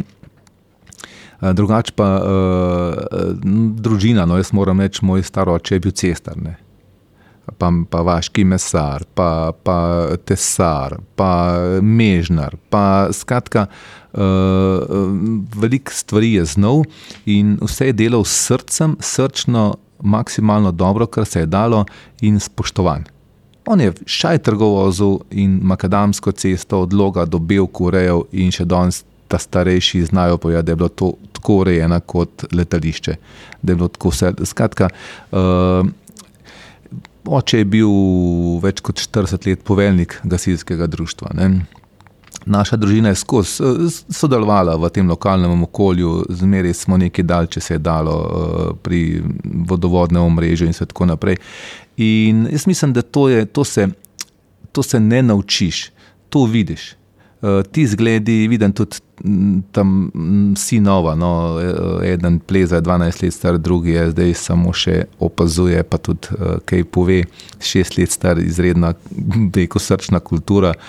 Uh, jaz mislim, da mal je, je nekih prirojenih genov, uh, največ je pa zgledno.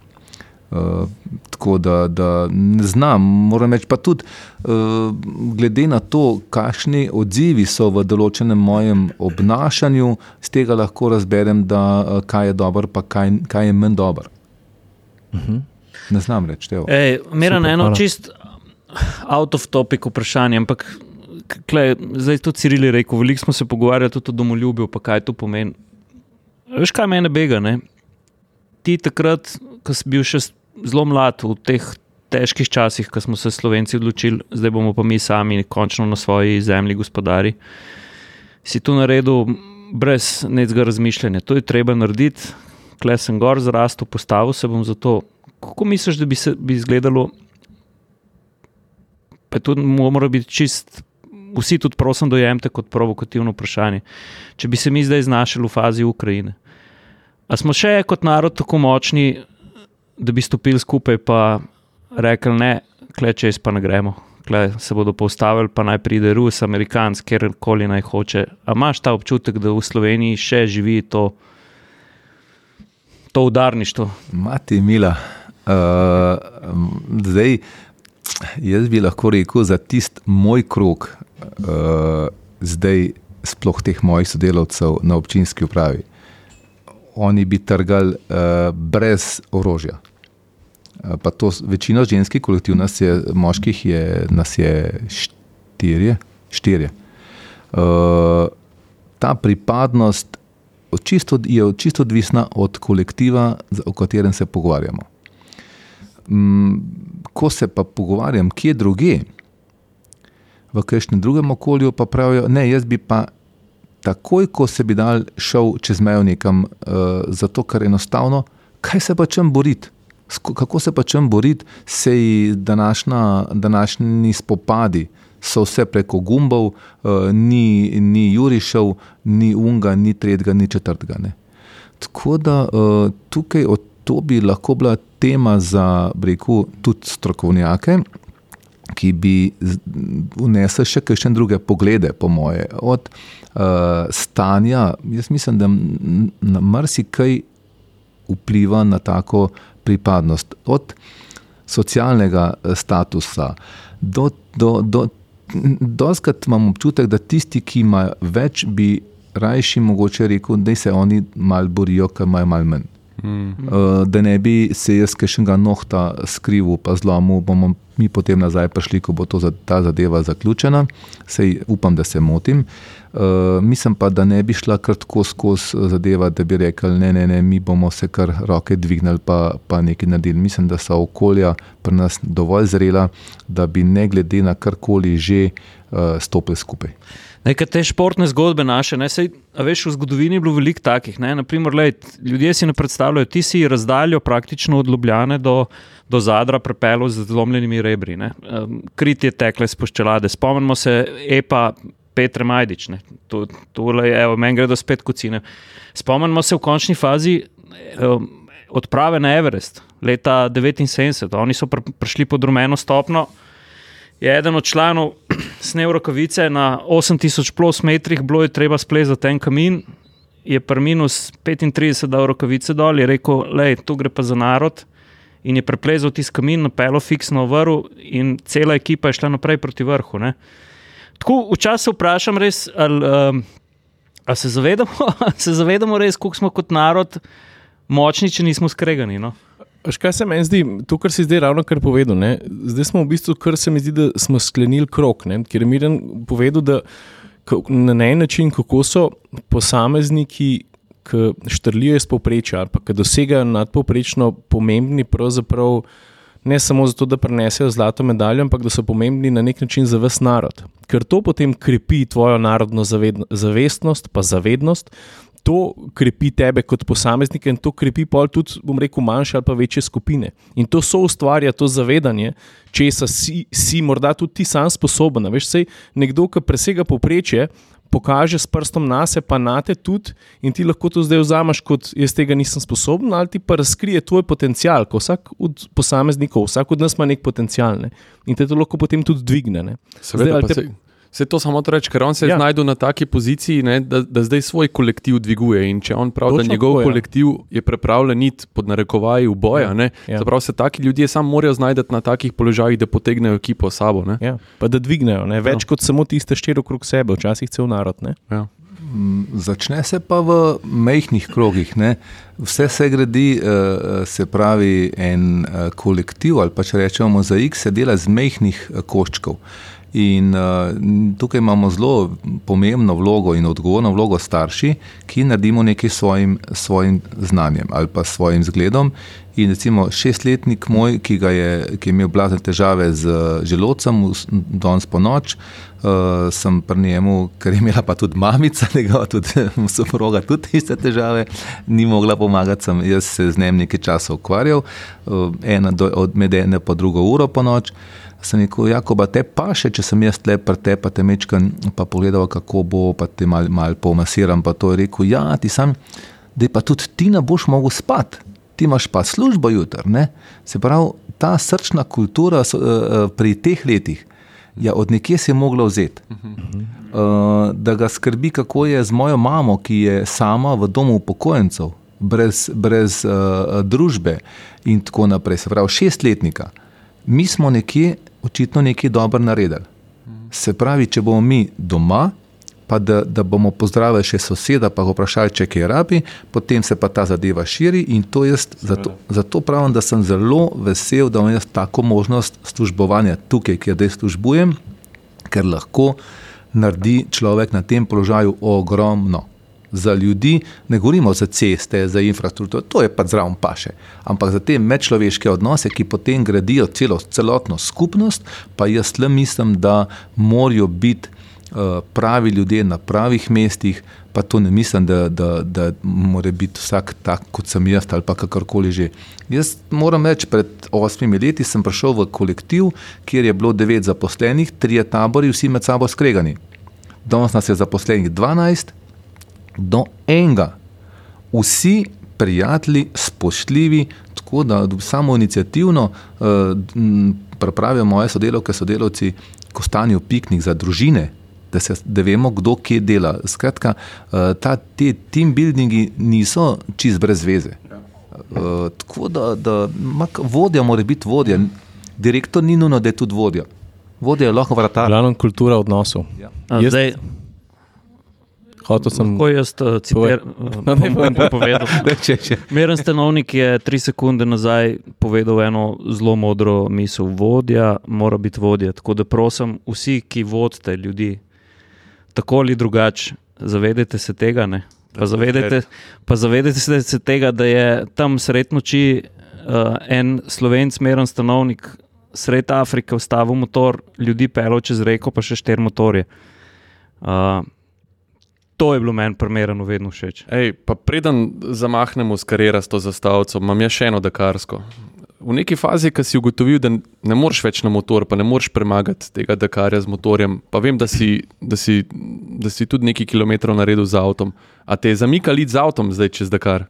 uh, ja, me je, še preden sem končal kariero. Jaz imam doma unga emela, ne, od kranca. Uh, Ti ga imaš? Ja, ja, ja. ja Kaj pa Luci? Ko pa poje una avto. Ja, Luci ima pa slavc uh, trstenjak. Uh, tako da v bistvu tisto avto je, sem ga jaz rešil nekako pred uh, neslavno, neslavnim zaključkom, je pa meni doma za laufa, se včasih tudi zapeljem in gor dol, to je čisti prototip Oh, pravi, kako pa poje v avto, ti veš? Ne, se mi je imel kar nerodno. Pra, pravi avto uh, in me je celo mikal, da bi se kdaj odločil uh, tudi iti. Ko sem pa uh, enkrat rekel, da je pa konc, je pa konc. Eno obdobje sem pustil, pa recimo, jaz sem se zadnjič s Tonijem Mulcem uh, vozil tudi v, na Utaru, na motocross progi in je po sedmih letih mi je dal uh, prototipni motor v roko, uh, uh, Husqvarna 450. Prva dva kroga sem šel, sem tipal, kasneje je isto kot bi včeraj stopil z motorja. Mhm. Presežem. Jaz sem tako užival. Mišični spomin. No? Zgleda vse dvojne skoke, mize, bande, pospeščevanje, Uh, si se že videl na Dakarju? Sem, ej, prav, prav tisto sem rekel, wow. Mozart je lahko gluh in slep, pa mu skočutne. Yeah. Wow, ja, ej. res. Uh, tako da, ja, me ne bi šel, sem imel tudi ene ponudbe, da bi šel na Dakar tako bolj fancy z enim uh, igralcem, zelo, zelo uh, pomembnim in tako naprej. Ampak sem že dva meseca uh, že bil za to, da, da ja. Ne? pa da, da uh, zrihtamo ta ML, ki je pri meni doma, pa gremo.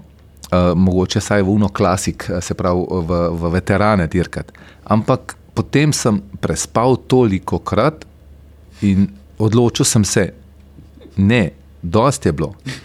Dosti je bilo, delamo druge stvari. Nove zgodbe. Ja, tisto, kar delamo, del, delamo. Sem se fajn dobro. kregel sam s sabo. Malo sem se mogel pogledati v špegu in uh, si natočiti čistega vina. Pa mi lahko enkrat prijemo pogled ta avto. Ja, seveda, normalno. Lahko je en cold start. Ja, ja normalno. Uh, Miran, za, mi ponovadi atmosferci postavimo uh, vprašanje, zdaj za prvi motor, oziroma kolo z motorjem si povedal Pony Express. Kaj bi pa tvoj prvi avto za en? Uh, Pejček, uh, 126, P, 500, uh, tak, en so bili, ne 600, en so bili 650, so bili kasneje, ta je bil pa 600 kubičev. Bovca. Bovca, bovca. Za Ljubljane bohce, za, Zelo- za vsi ostali smo rekli pa peček. A pejček, ja, tako, tako. Ja. Yeah. To je bil, kupil sem ga od uh, uh, mojega sodelavca, bivšega iz avtoceste, kjer sem kot študent uh, pobiral cestnino. Uh, zanimivo je pa to, da ja, rečemo prvi avto. Jaz sem drugi sin, še, šest let starejšega brata imam. Uh, in zanimivost je to, da je moj pokojni oče svoj prvi avto imel takrat, ko sem ga mu kupil jaz. Tako da je v bistvu to bilo malo drugače. kot Ja. E, še, eno, še eno zadevo moramo ra- razži- razčistiti. ne. Um, ko sem jaz prvič videl umereno bombnik, ne. Kad, ko se je ta motor oglasil, to je bil en kos bombnik. Ne. 660, ja. Tam eh, je bilo na zidu zveden, zvezeno, na, na, na tem zidu jajca brusi, puščavski lisjak. Ne. Ej, a, daj še povej ta vzdevek. ne. V zgodovini je to je zelo močen vzdevek. ne. Erwin Rommel, uh, nemški general, ki se je proslavil z bitko v Puščavi, ne. eh, pa mi grede za generala je bil zelo nizek, sem jih pregledal 1,68 m. ja mehna, Veliko kapa. Ja, pa mehna tarča. pa mehna tarča. Ampak od, uh, odkje je ta vzdevek prišel? Uh, mislim, da je za to kriv uh, Dušan Videmšek. On je bil dolgoletni predsednik eh, Zveze učiteljev trenerjev Smučanja Slovenije.